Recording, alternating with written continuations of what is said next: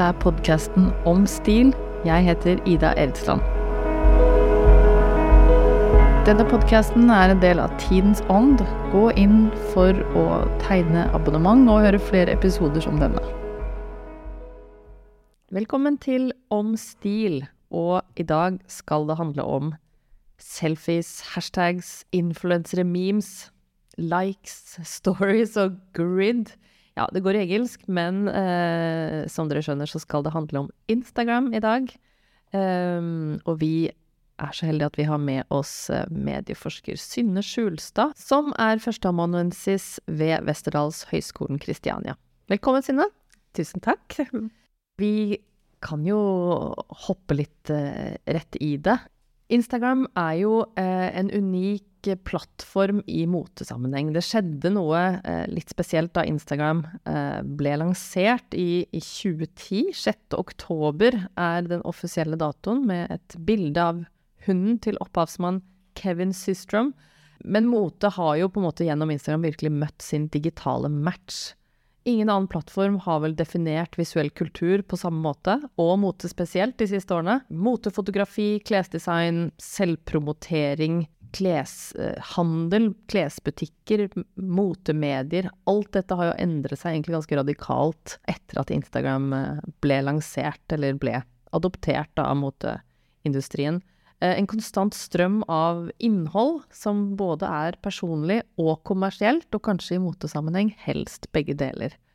Um, Instagram ble jo uh, kjøpt av uh, det som da het Facebook i 2012 for 1 milliard dollar, en svimlende sum den gang. Dagens estimat sier vel at Instagram er verdt et sted rundt 100 milliarder dollar. Instagram er eh, blitt enormt, og spesielt kanskje i motesammenheng, et helt uunnværlig eh, verktøy, og ikke minst en, en, svært, svært definerende plattform. Synne, velkommen. Du har forsket på mote, men også da spesielt eh, Instagram eh, gjennom en årrekke. Kan ikke du fortelle litt hva som gjør at du eh, har vært og er så fascinert av, av akkurat den plattformen? Jo, det har, nok, altså det har nok sammenheng med at Eh, som medieforsker så har jeg jo alltid vært interessert i eh, visuell kultur, eh, bilder, bilder i medieformater som vi kanskje ikke helt skjønner hva er for noe. Eh, bilder som jeg blir eh, fascinert av, og, og, egentlig visuell kommunikasjonsdesign på ulike typer medieflater. Så jeg kom vel egentlig til eh, både Instagram og motefeltet fordi jeg hadde forsket uh, i min doktorgrad, så hadde jeg forsket på World Wide Web, som er et sånt medium som alle skal vi si, bare tar for gitt, så det bare er der, på en måte. Men så tenker man kanskje ikke så mye over det, og man snakker ikke så mye om det. Og når var dette som du skrev, skrev det? Uh, skal vi se, jeg var ferdig, altså jeg disputerte i 2008, og da var det jo sånn folk ble rasende hvis man snakket om sånn flash og Eh, webgrensesnitt som, eh, som, ikke var brukervennlige, men som da eh, kanskje fungerte som en kommunikasjonsflate for eh, visuelt design, da. Grafisk design og, mm. ja, og så videre. Og, og, og, gjennom det arbeidet så, så, ble jeg også interessert i sammenhengene mellom digitale, visuelle uttrykk og, og estetikk, og også materielle ting. Altså alt fra arkitektur, plagg, objekter Uh, som, som, både fantes på en måte på ekte, mm. uh, men som også ble videreformidlet i medieform. Uh, og at man kunne se på sammenhengen mellom de to tingene. Og da var jo på mange vis veien til Instagram ganske, ganske rask. Fordi at da jeg begynte å jobbe med dette, så, ja, så var det et, et medium som, ja, som, var forskningsmessig, i hvert fall i motesammenheng, relativt utforsket, da. Ikke sant? Um, og, og, nettopp denne kombinasjonen mellom mote, eller de, de, fysiske objektene, og deres på en måte digitale visuelle uttrykksform. Hva, hva, er det som på en måte i den kombinasjonen um, har gjort det så potent, tror du? Altså det er nok Det er jo mye sånne smarte folk som også skjønner hvordan de kan på et vis uh, få ting til å, til å skje. Altså nå har vi jo blitt veldig vant til at man kan snakke om sånne ting som virale Eh, kampanjer eller virale uttrykk. Men, men, for en del år siden så, så, så, var ikke det ja, det var en litt sånn gåte. Sånn oi, hvordan skjedde dette? Mm. Uh, så jeg syns jo det var veldig spennende å, å, grave litt i det der, da. Uh, samtidig som det også fascinerte meg litt, denne voldsomme mengden eh, bilder på Instagram, og hvordan disse var i bevegelse, og i også sammenheng med hverandre. Eh, sånn at det var eh, plutselig en sånn bildesverm, for å bruke et eh, begrep fra en kunst, kunstteoretiker som heter Joselit, eh, som snakket om sånne swarm mm. of images, som liksom beveger seg rundt, og så skjer det, så skjer det ting. Mm. Så det, det brakte meg jo inn på, ja, inn på Instagram, egentlig. Mm. Ja, for en del forskere har jo også kanskje beskrevet hvordan Instagram Har Instagram også forandret moten? Vi snakker om hvordan moten kanskje har brukt Instagram for å, for å spre seg disse, denne svermen med bilder som på en måte gjør mote til et mer omnipresent eh, kulturuttrykk, da, på en eller annen måte, men eh, at det er til stede overalt gjennom denne strømmen av bilder, eller eh, Men har er det ikke sånn også at denne plattformen også har forandret moten på mange måter? Eller den måten å, å bruke bildene på? Jo, fordi det, det, er veldig fort gjort at man kan tenke det at det først så finnes objektene, og først så finnes moten, og så finnes mediene på et vis etterpå som et sånn videreformidler. Men, men eh, sånn, er jo, sånn, er det jo, ikke nødvendigvis. Sånn at uh, i uh, et arbeid som jeg holdt på med en god stund, som uh, kom ut i en ja, først en artikkel på en designforskningskonferanse, og så i en tidsskriftartikkel i, i Fashion Theory, altså, som er et uh, forskningstidsskrift.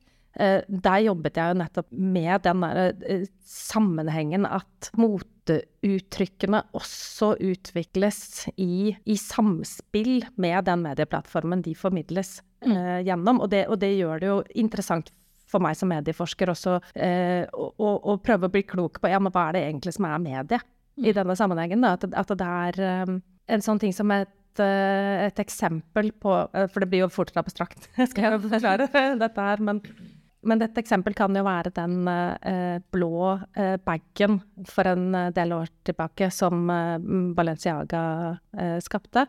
Mm. Som uh, dukket opp Ikea-bagen? Ja, som så veldig lik ut som en uh, sånn blå Ikea-frakta-bag. Uh, mm. Bare at den var laget i fantastisk kalveskinn og kostet noe sånt som 20 000 kroner, mm. eller noe sånt noe. Hvor, hvor, det da dukker opp på Twitter en, en sånn Hæ?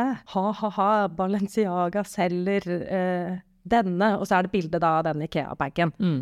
som om ikke ikke de visste at den så ut som Ikea-bagen eh, på forhånd. Og så bare baller det på seg med at det plutselig så er eh, hele den digitale sfæren pepret med alle mulige tullevarianter av uh, sammenhenger mellom Balenciaga og Ikea. Mm. Og det dukker opp plagg, det dukker opp sandaler, vesker, uh, altså Gjør det selv-varianter i yes. alle mulige ikke sant, hvor, hvor, hvor, da, hvor, da, forskjellige nettbrukere da uh, setter i gang, uh, er med, på en måte. Veldig mye humor, veldig mye tullball. Altså en sånn type deltakerkultur som da for alvor kommer til uttrykk uh, gjennom dette. Og så glemmer man kanskje litt hva som skapte denne situasjonen i utgangspunktet. Mm. men Balenciaga får jo masse oppmerksomhet. Mm. Eh, og de blir på en måte en sånn slags um, Det går viralt. Ja. ikke sant? En katalysator for eh, en sånn stor bevegelse av bilder og folk. Mm. Og når folk da også aktivt er med å lage det selv, så er jo det en annen måte å interagere med et brand, da. Altså når du faktisk lager noe selv, så har du jo knytta nye følelser til det brandet, eh, vil jeg tro. Ja, og så, og så, blir det jo det å på en måte plassere seg selv liksom i midten av den digitale populærkulturen, rett og slett, som er deltakende og som er, eh, som er også preget av humor, og som eh, litt sånn ukritisk blir plukket opp også av redaksjoner rundt omkring. Altså fra alt fra magasiner til nettmagasiner osv., som da bare på en måte gjenforteller mm. eh, sånn Balenciaga har laget en bag som ser ut som en Ikea-bag.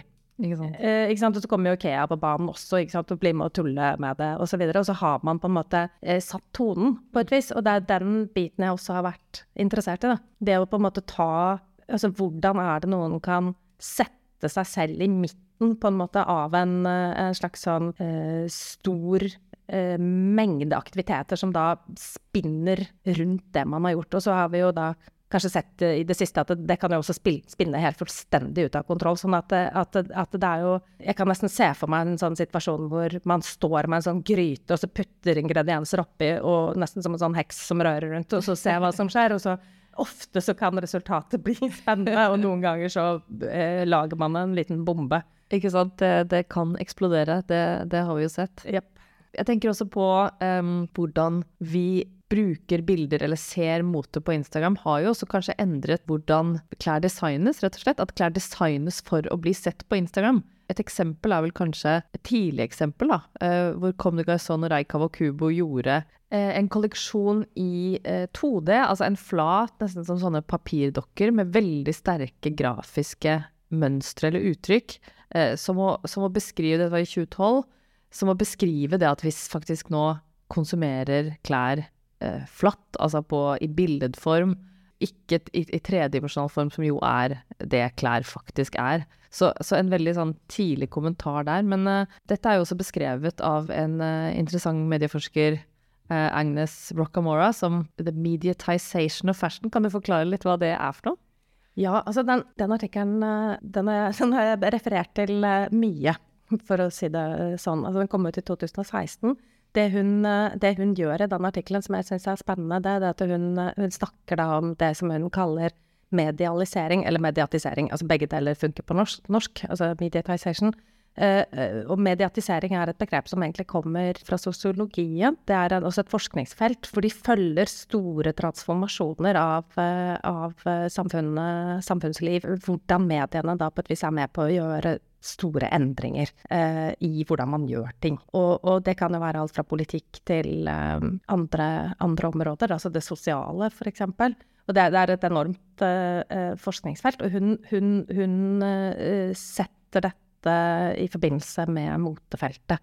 Så hun sier jo da at motefeltet er i ferd med å bli transformert uh, i møte med den medievirkeligheten som vi nå uh, lever i. Mm. Og bare for å skyte inn, da, det er jo sånn typisk sånn, det er jo ikke liksom mediene som gjør at endringene skjer. Altså det er jo hvordan folk som er i, i, i motefeltet på et vis tar disse mediene i bruk. Mm. Og hvordan den bruken er da med på å endre kulturen. Eh, sånn at eh, sant, Hvis man tenker på mediatisering av politikken, ikke sant, så, så har det holdt på lenge. Men bare tenk på, på Donald Trump. Ja. Eh, og hun, hun hevder jo også da at eh, altså hun uh, Rockamora. At plaggene på et vis mister Altså at man bare får det derre flate uh, bildepreget, og at det da medfører en slags sånn forflatning. Uh, at det er ikke så viktig hvordan plaggene Kanskje altså taktilitet, materialer, nyanser osv. Så, videre, så lenge det da på en måte skal se flott ut på bilder, da. Mm, ikke sant. Og man har vel kanskje sett mye print, mye sterke farger, mye av denne sterke visuelle, altså klær som en visuell flate, siden Instagram ble lansert, da, for å si det sånn, i 2010.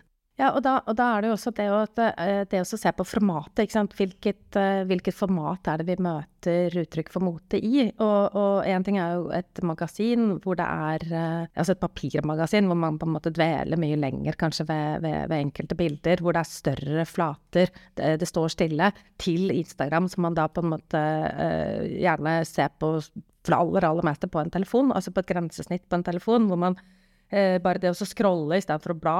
Eh, det går fortere. Det går fort, og det er en strøm. ikke sant? Det kommer hele tiden nye eh, ting til. Det er, en, det er, en, endeløs strøm, kan man jo si. Mm. Man kan jo nesten bli helt sånn matt som eh, Hvis man skal forsøke Og det er så utrolig mye informasjon hvor det hele tiden kommer nye ting. Da. Sånn at det å, å, å få den som ser på, til å stoppe opp f.eks.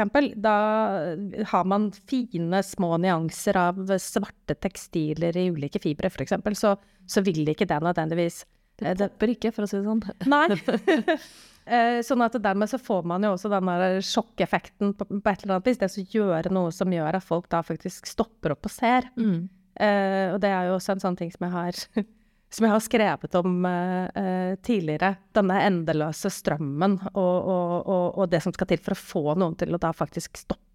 Og liksom rykke noen litt ut av, ut av å bare bli bladd forbi. Mm. Ja, for dette er jo eh, Det gjør jo selvfølgelig noe med den visuelle kulturen, billedkulturen, men, men, ikke minst også kanskje noe av det som har vært motens, et av motens store kulturuttrykk, altså motefotografiet. Hvordan endrer det seg med Instagram? Det endrer seg jo på, på, på, så mange måter samtidig at det er, eh, det er egentlig en slags revolusjon mm. uh, som har foregått. Og så er det jo ikke sånn at det, det, det si, tradisjonelle motefotografiet forsvinner. Altså det har fått en, en litt, litt, dårligere vilkår, uh, for å si det sånn. Men, men, det eksisterer jo også da ved siden av. Men på, på Instagram så er det jo noe med det at altså bildeflaten blir mindre. Det er en sånn utrolig uh, banal ting, men som allikevel er et ganske lite bilde. Ja, for i starten var det jo et veldig tydelig kvadrat. Nå er det jo riktignok litt andre formater også, men det er likevel denne kvadratiske formen også som, som eh, Og det er lite, selvfølgelig. Ja, for det, liksom, hvis man tenker på sånn forskjellen mellom et, et, et motebilde på Instagram og eh, et motebilde i en, et oppslag i et, i et papirmagasin eh, som er stort og blankt, og det er papir og det er lukt altså Det er masse eh, sånne rent sånne formatmessige forskjeller. Men så er det jo også motebildet på Instagram. Altså, det er jo en del endringer som har skjedd der som er så uh, revolusjonerende at uh, Altså, hvis noen hadde vist meg en del bilder, altså motebilder på Instagram som, som, som eksisterer og sirkulerer uh, nå, for ti år siden, så hadde jeg nesten trodd det var tull. noen sånne eksempler på det kan jo, som jeg viser til studenter ganske ofte, det er mhm. jo bilder som er, er humoristiske, kanskje absurde, sånn som Gucci, var det vel, prøvde å lage noe som skulle se ut som det var laget av en eller annen uh, bruker, men som er en slags trerot-nissefigur med en Gucci-klokke. Ja. Uh, for eksempel. Eller uh, som, sånn som Balenciaga også har jobbet med, med, med, motefotografi. Det er sånn jeg viser disse bildene til studenter. jeg ber ofte studenter om å lukke øynene og tenke på motefotografi. Ok, da kan lytterne også gjøre det. ja. Og så sitter de gjerne og tenker litt, og så, og så viser jeg noen uh, bilder eh, fra Altså noen motebilder fra Instagram som er sånn fra, fra, fra, nå, på en måte. Gjerne noen litt sånn rare. Kanskje det er en, sånn type blomsterpotte med solbriller, uh, eller et sånn der blurry, mystisk, dårlig kvalitet fotografi på kvelden, som er veldig annerledes da, enn det de fleste ser for seg. Uh, og, da, og, da, blir det jo veldig tydelig at ok, motefotografiet er i endring. Mm. Uh, og det er i endring både altså den estetikken som dyrkes fram. Uh, det er kanskje et bredere register der enn, en det har vært tidligere. Men så er jo også motefotografiet i endring fordi det har fått en sånn tidsdimensjon som er annerledes enn det hadde før. Ja, og den er mye kortere, eller? Hva ja, tenker du på da? Eh, sånn som kanskje det motefotografiet som mange har, eh, annet jeg har vokst opp med, har jo vært typisk eh, enten om det har vært eh, kampanjebilder eller det har vært editorials i papirmagasiner, eh, som på en måte har hatt en varighet kanskje på enten seks måneder eller en måned, eh, for da kom det et nytt magasin. Uh, og så var det mange av de samme, altså mye gjenbruk uh, på tvers av disse magasinene. Men allikevel, de bildene, de, de, hadde på en måte en slags levetid som var mye lenger enn det derre brøkdelen av sek et sekund det tar å liksom bare blafre forbi masse greier på Instagram mens man kanskje sitter på bussen med solbriller og, og, og scroller. Uh, sånn at motefotografiet har jo fått en, en temporalitet som ikke var der tidligere. Har det da også mistet en eller annen slags ikonisk status, eller har det på en måte bare endret seg litt på egne premisser? Altså, var motefoto viktigere før? Altså, Motefoto har jo alltid vært en sjanger som på en måte har oppfunnet seg selv på nytt og på nytt, og som hele tiden har eh, sprengt grenser, som har eh, flytta litt på hva som kan vises som, som motefotografi. Og det er jo en, en sjanger, altså en bildesjanger, som hele tiden har vært i endring. Og det har vært noe av den essensen ved uh, motefotografiet, at det har endret seg. Mm. Uh, sånn at uh, men, men, det er klart det har blitt enda mer endring. Og, og det har blitt mange flere formater man møter motefotografiet i. Det er ikke lenger motemagasinet på papir som er hovedkilden, selv om det da også fins. men da står jo det også da i, i en relasjon til Instagram. Mm. Eh, sånn at man linker jo da gjerne fra Instagram til en publikasjon. og andre veien osv. Og man ja, republiserer bilder som har vært i magasiner på Instagram og osv. Så videre. sånn at det, de lever jo på en måte side om side. Men, men det er en bredere register, vil jeg kanskje si. Og, og kanskje også dette med at alle har fått tilgang på Kanskje en slags demokratisering av motefotografi også. Vi tenker på Alle har jo blitt sine egne fotografer, sine egne dokumentar, dokumentarister på et eller annet vis. Eh, selfien er jo et begrep som, eh, som kom med Instagram. Og, og, dette å på en måte presentere seg selv visuelt, da, har vel gjort også at eh, ja, denne litt sånn særegne kunsten for motefeltet er noe som alle forholder seg til litt i, i, i dagliglivet på et eller annet vis også. Ja, så er det jo denne eh, Altså det er jo noen sånne eh, tekniske ting nesten også, som er noe sånne Bare det at det er en uh, liten datamaskin som man går rundt med i lomma, det den ene tingen. Eh, det tenker vi jo ikke på nå, men eh, Altså jeg har vokst opp i en tid uten mobiltelefon i det hele tatt, og hvor telefonen bare var telefon, og så plutselig så har man faktisk et kamera eh, som man går rundt med. Det er denne eh, bitte lille grepet som ble gjort hvor man da kunne vende kamerats linse mot eh, seg selv, eh, som eh, mange har jobbet og forsket eh, mye på, men bare altså selfie som format ble jo på mange måter muliggjort, bare av et lite teknisk grep. Og så er det jo da selvfølgelig det at alle, alle har kamera med seg til enhver tid. Eh, sånn at man, man, man, trenger ikke nødvendigvis å ha den, sånne store produksjoner, da. Men de fins jo da i tillegg, da. Men det er klart det er jo, det er jo også mange profesjonelle fotografer som da kanskje har mistet oppdrag, og mange som ikke er fotografer, som blir fotografer. Og, eh, så det er, jo, det er jo en fotografikultur eh, som er i endring, da. Mm. Og um, skal ikke snakke for mye om det, men også dette med hele denne influenserkulturen influenserøkonomien er jo også et produkt av Instagram. Og denne muligheten til å fotografere og iscenesette en egen estetikk eller en egen eh, tilnærming. Også å ha en, en, plattform selv hvor du på en måte kan representere, eh, representere det, da. Ja, og, og, og, og det, som, det, som, jeg tror jeg har vært opptatt av i mye av forskningen eh, min, da, det er jo også det å prøve å forstå en del av den andre bruken av Instagram, som da ikke nødvendigvis er eh, tilhører influenserkulturen, selv, selv, om den er jo selvfølgelig massivt til stede på Instagram. Men så har det vært et poeng for meg i en del sammenhenger sammenhenger også å si det at Instagram er mer enn det. Mm. Altså det er en, det er en plattform som, som, brukes profesjonelt på, på, på, ganske mange forskjellige måter, da, hvor den uh, influenser-yrkesgruppen uh, det, det, er én av uh, flere bruksfelt. Mm. Ja, fordi det brukes jo av um, motemerker også Altså den måten vi er kjent med å se det, kanskje selv, i å lage personlige profiler eller andre, dette gjør også motemerkene. Altså de jobber på samme måte som oss, egentlig, med å presentere seg selv. Kan man si det sånn? Ja, altså det som, det som kanskje har vært den, eh, mange influenseres eh, styrke, eh, det er jo også, altså, også på andre felt enn en motefeltet. Det er sånn Crystal Abidin, en forsker, hun skrev en artikkel som da handlet om det var vel sånn der fitness-influensere og sånn. Uh, at de måtte på en måte Det kan, kunne ikke være altfor sånn perfekt, for da var det ikke troverdig. Mm. Sånn at de måtte vise litt sånn dårlige sider, og de hadde dårlige dager, og alt var ikke bare fryd og gammen i, uh, hos dem. Og det gjorde også da at da ble de jo sett på som mer autentiske, og, da, og dermed på en måte ble troverdige aktører og fikk flere følgere osv. Så, videre.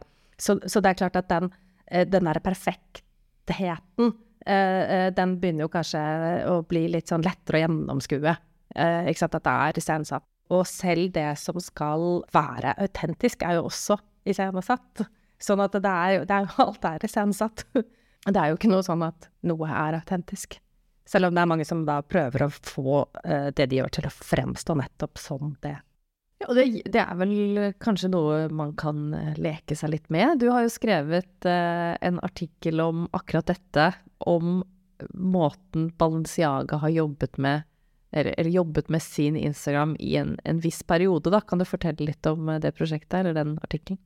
Jo, det er en artikkel som ble publisert i uh, International Journal of Fashion Studies. Uh, og der ble jeg uh, veldig fascinert av denne Instagram-kontoen som de hadde. Den er nå, fins ikke lenger. Men hvor det var en veldig merkelig motefotografi. altså det var virkelig sånn Hæ? Er dette et, et stort motebrand som gjør dette? Kan du Eh, gi eksempler på hvordan det så ut? Det var for eksempel altså det var en sånn eh, grønn spissko eller noe sånt med en som hadde fått øyne og munn eh, på en fot. Altså utrolig eh, tullete bilder. Altså det var, eh, altså det var en hel kjempestor samling av veldig så tøysete motefotografi, eh, og som egentlig kanskje ikke man tenkte at var motefotografi i utgangspunktet. Eh, det var det var blomsterpotter med solbriller. Altså det, det var så mange rare bilder i, eh, på den Instagram-kontoen eh, som gjorde meg veldig interessert. Og så var det også da kommentarfelt under disse bildene. Hvor plutselig man begynner å se noen av de samme mekanismene som, eh, som utspiller seg eh, eh, mest på vondt eh, i, i journalistikken, gjøre seg gjeldende i motefeltet. Eh, sånn at eh, jeg jobbet med å Den, den mest brukte kommentaren var vel Eller det var kanskje tittelen på artikkelen, 'My favorite meme page'. Jepp, det ble til slutt uh, tittelen på artikkelen, for det var mange som skrev da liksom 'my favorite meme page'. Eh, sånn at det jeg begynte å jobbe med i den artikkelen, var å sette motefotografiet i sammenheng med forskning på, på, på internettmemes. Eh, og, og også, eh, må sies, sånn type clickbait, eh, trolling, alle de skyggesidene på et vis av den plattformkulturen vi ser i mediefeltet generelt. Da. Sånn at jeg syns det var veldig spennende å se på hvordan den samme logikken gjør seg gjeldende også i motefeltet, og hvordan den er med på å da skape egentlig sånn polariserte tilstander, mm. som nettopp kanskje var resultatet av en del av disse fotografiene som da ble publisert eh, på, av Balenciaga på Instagram. Så de kommentarfeltene så var det jo også sånn der Å, stakkars Cristobal Balenciaga ville vridd seg i graven hvis han hadde sett dette, og dette er en skam for motehuset, og, men andre var sånn ha-ha-ha, og det var uh, spam, og det var uh, spy-emojis, og hele sulamitten. Og, og en av de tingene jeg skrev om i denne artikkelen, var jo nettopp hvordan, hvordan dette for det første skapte trafikk. Uh? Det skapte oppmerksomhet, og det lagde sånn inn- og ut-grupper. Eh, sånn at, det, at jeg jobbet med det altså ved hjelp av et begrep som heter liksom boundary maintenance. At det ble liksom opprettholdt sånn der, ja, vi som skjønner at dette er morsomt, og vi som syns at dette er uh, helt uh, forkastelig. Sant? Så, du, så du får jo på en måte en sånn polarisering Altså det er, er et De som vet, de vet eh, greie. Ja. Mm. Og så er det ligger det jo makt, selvfølgelig, da, i å være eh, den aktøren som på et vis eh, bestemmer spillereglene. Bare det, altså det er en sånn eh, ved, å, ved å selv gjøre noe eh, veldig annerledes enn andre, så, så Litt sånn uforståelig, ikke sant? Jepp. Eh, og, og der, der trekker jo noen av Altså en del av den litteraturen som finnes i medieforskningen fra, fra, fra tidlige sånne mm, grupper på, på internett, f.eks., og ti, altså tidlige sånne brukergrupper hvor, eh, hvor, det, hvor trolling og sånn eh, startet.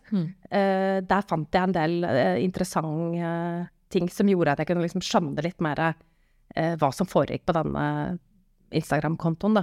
At det er eh, grupper som liksom prøver å drive ut, vekke de som liksom ikke, ikke hører til, som ikke skjønner. Altså de blir liksom ledd ut som sånn ha-ha-ha, du skjønte ikke at dette var uh, mm. uh, morsomt, og, og, og, og så videre. Og sant, med provokasjon, altså trolling jo, kan jo også være en form for uh, provokasjon. Man tenker jo liksom bare trolling bare på, som, som de verste nettrollene, altså hetsere og, og sånn, men det kan også være altså, sånn milde former for provokasjon som bare på en måte skaper uro. Ja, for um, Instagram er vel eh, i så måte helt sentralt plassert i den moderne popkulturen. Altså, eh, vi har jo disse nye plattformene som kanskje i andre generasjoner er eh, mer eh, dominante, da, eller eh, om det er Snapchat eller TikTok eller eh, og for, for de eldre er det kanskje Facebook. Men, mens Instagram har vel fortsatt en posisjon som, som det helt sentrale. Enn en så lenge, eh, men, men ikke helt heller, fordi at eh, sant, her, sitter, her sitter vi oppe i åra, mens eh, det som for meg blir mer og mer tydelig, det er at altså, den moten, sånn som den blir mediert i dag, det er jo ved hjelp av en hel rekke plattformer, og det kommer jo noen fader ut, noen nye kommer til. Og sånne formater som eh, ikke TikTok, ikke minst. Altså Bare for et par år siden så var det jo sånne litt sånne spede forsøk der sånn Louis Vuitton skulle være morsom med liksom, eldre folk som danser på, på TikTok osv. Og, så hadde de liksom var liksom fomlete og famlende i sånn hm, Hvordan skal vi, hvordan skal vi uh, fremstå på denne plattformen? Sånn at med, med, hver plattform, på å si, så, så følger det jo med noe slags uh, bildekultur. Plutselig er det korte videoer uh, osv. Og, og så ser man jo også en sånn altså med hele digitaliseringen av, eh, av, samfunnet og kulturen og det sosiale, så ser man jo også sånne andre plattformer, sånn som da, altså dataspill er jo en opplagt uh, sted. ikke sant, og Koblinger igjen kommer jo disse koblingene mellom det medierte og det, og det fysiske. da, sånn at eh, plagg som, som, man kan kjøpe til avataren sin inn i et uh, dataspill, men som da også finnes kanskje til salgs som, som ekte klær man kan ha på seg. Mm. Så alt dette med digitale, altså digitale plagg skal jeg si, De koster ikke 10 000 kroner, men de koster sånn Det er veldig mange, som, veldig mange unge folk som kjøper mange billige plagg, ikke sant, som er en sånn kjempeindustri. Hvordan, eh, hvordan Skins på Fortnite, eller Skins på Fortnite og andre spill, ikke sant, og man kan designe sine egne sine egne digitale plagg mm. eh, til karakterer. Karakterer i spill kan gå i virtuelle butikker og kjøpe digitale plagg, mm. osv. Så sånn at det, at det er en sånn voldsom uh, utvikling av digital altså, mote. Og så har jo dette metaverset altså Det ble jo på en måte hypa opp og ned og, og fram og tilbake, og så endte det litt sånn der uh, Hva ble det for noe, egentlig? Men, men, samtidig så ser man jo det at det er jo uh, mot altså mot uh, brands uh, Se jo hvor er det unge folk er nå, ikke sant. Det er jo på digitale flater. Det er Og, og, og tanken om metaverse, jeg tenker på apropos Fortnite eller andre uh, Altså, det er jo et metaverse. Det er jo ekte. De møtes jo der. Med avatarer, med outfits. hvor de ser hverandre og, og omgås. Eller det samme gjelder jo for så vidt på om det er Roblox eller, eh, eller hvor som helst, da. At uh, jeg tror denne voksenversjonen av Metaverse er nok litt seigere å få i gang. Men, uh, men, jeg tror for yngre generasjoner så er dette liksom en integrert del av, av det sosiale livet. Ja, og det, og det er noe som, som jeg syns er litt sånn interessant når jeg tenker, altså jeg tenker, Hvis jeg tenker tilbake til sånn Hvordan var det jeg, hva var det jeg møtte på i sånn mote i mediert form for første gang? Det var liksom min farmors burda eh, mm. fra 60-tallet som lå på do på hytta, liksom, med sånne mystiske, ganske sånne kleine sånne tyske Tyske overskrifter videre. Men også magasiner generelt som en portal til en annen verden, da. Det var jo det. Uansett om det var Burda, liksom, eller, eh, eller, om det var Vogue. Ja, altså det åpnet jo opp en helt sånn uh, Altså disse magasinene for meg da jeg var ung, i hvert fall, da, ikke sant, åpnet jo opp en, en, en dør inn i noe som jeg syntes var sånn utrolig fascinerende. Men ikke sant, når man ser på hva er det som har kommet til eh, siden da eh, ikke sant, sånn der, hmm, ja, digitale avatarer med digitale klær som man kan lage selv. man kan, alle kan dele bilder til hverandre på tvers av Altså de folk som er på i andre enden av verden. Man kan sitte og følge med på eh, en sær designer i Sør-Afrika mm. og, og, og, så videre. At det har, det har, jo, det har jo, skjedd ufattelig eh, mye mm. eh, siden da. Altså internett. Eh, World Wide Web. Eh, den, som, som, bare er der, liksom. Folk, folk tenker jo at eh, Selvfølgelig har vi det, på en måte. Til at ja, alle går rundt med en liten datamaskin i lomma med, med kamera, hvor du kan hva skal jeg si, ta et bilde av deg selv, og så kan hvem som helst, uh, hvor som helst i verden omtrent, som har tilgang på Se det instantly, som det heter. Ja, sånn at, og, og en sånn massiv eksplosjon av, av, av, bilder, og også en utvidelse av den visuelle kulturen som vi, som vi, på en måte kan være med på, på en eller annen måte. Mm. Så det har jo i løpet av, altså i løpet av de siste 20 årene altså Det er en sånn transformasjon som man, man kan nesten ikke man blir helt sånn slått i bakken av å, å tenke på hva som har skjedd eh, på så kort tid, da. Og, og, men eh, for å litt tilbake til starten, altså. Mote er kanskje den eh, kulturformen som i størst grad har forandret seg, utviklet seg, tatt, tatt eierskap til Instagram. Og denne ja, hva, hva var det med Hva er det på en måte som er en så perfekt match mellom mote og Insta? Altså, jeg, jeg, tror vel kanskje at det er det der umiddelbare visuelle uttrykket. Eh? At du kan umiddelbart eh, Og du kan blafre rundt. Altså, du har på en måte tilgang til all verdens magasiner, og så kan du velge vekk. Altså metaforisk eh, ja, ja. sett. Så kan du velge bort alle de du ikke liker, og så kan du bare nøle i vei på alt mulig du syns er, er gøy. Og det er den derre også det å kunne være mange som følger med på ting samtidig, mm. over tid. da. Mm. Eh, eh, sånn som eh, eh Rihannas graviditeter og opptredener, og med eh, det ene fascinerende antrekket etter det andre, hvor hennes store gravide mage eh, er på en måte en sånn midtpunkt. ja. Modemessig midtpunkt. Nå blitt Louis Vuitton-kampanje under Pharrell mote. I moten har vi snakket om demokratiseringen av mote i mange år. Hvordan mote har blitt noe eh, for alle. At det på en måte er en, var en mer sånn elitisk kultur som, som nå alle har tilgang på. Og her syns jeg man ser liksom en parallell hos Instagram, hvor i din feed så har du på en måte eh, venninna di Ja, du har Rihanna, du har eh, Gucci eh, side om side, på en måte. Og deg selv. Du kan på en måte sette deg selv inn og brukersnittet er likt for alle. Altså, ingen kan kjøpe seg super-Instagram, og så har du en dårlig beta-versjon. Altså, eh, på en eller annen måte er oppsett og plattformen lik for alle, og det er på en eller annen måte eh, interessant, syns jeg, da. Men det spørs jo hvordan, hvordan dette utvikler seg, og, og, algoritmene har jo begynt å eh, jobbe litt mot eh, vanlige folk og litt for eh, de som betaler for det. Ja, det er klart du kan jo Du kan, du kan ikke kjøpe deg ditt eget uh, supergrensesnitt, men det er klart du kan kjøpe deg, um, du kan kjøpe deg synlighet. Men du ja. kan jo også jeg skal si, Du kan kjøpe deg veldig mye synlighet, men allikevel Du kan ikke kjøpe deg uh, en Du kan ikke kjøpe deg uh, og vise fram at man på et eller annet vis klarer å, å, å liksom surfe på den digitale populærkulturen som man er en, en, del av, på en måte som oppfattes som lur og smart. Mm. Altså, man kan jo har, er jo også Instagram-profiler hvor motehuset har helt sånn åpenbart utrolig mye penger, men allikevel er det, det dørgende kjedelig. Faller flatt, på en måte. Ja, ikke sant. Så det er, eh, man må på en måte ha en eller annen sånn uh, snert for å kunne for at det skal funke sånn sett, da. Mm, og der er det jo en, en, en smart uh, strategi kan ta deg, ta deg langt fortsatt på Instagram. Ja, og man kan jo også eh, få tilgang til masse sånne sære, gøye, eh, morsomme ting eh, som man da ikke finner hos disse store aktørene også. Da. Og det er jo en av de, en av de tingene som kanskje også gjør det interessant. Da, at, det, at, man kan, man kan liksom grave seg fram til kjempespennende ting, og så kan man velge bort det man ikke er så interessert i, kanskje. Mm.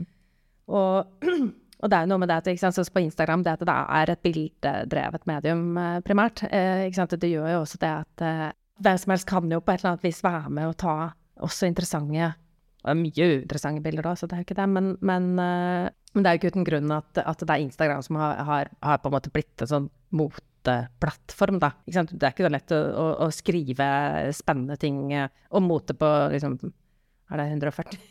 140 tegn uh, Mot er Twitter. Mot er ikke så stort på Twitter. Uh, og, det en, og det er jo fordi, rett og slett at Instagram er, har den Altså det kommer jo liksom fra in, altså, sånn Insta. Uh, at det er sånn øyeblikksbilde. et visuelt medium og Et visuelt bilde. Et bilde sier mer enn 1000 år. Ja, det kan man si. Eller mer enn 140 tegn. Ja, et bilde sier mer enn 140 tegn. Helt klart. Ja, vi kan jo avslutte der. Tusen takk, eh, Synne, for at du var med oss i dag. Takk for at jeg fikk eh, komme. Ja, det var veldig interessant. denne episoden markerer også eh, starten på Omstils egen Instagram-konto, så følg gjerne den. og så ses vi der og høres her.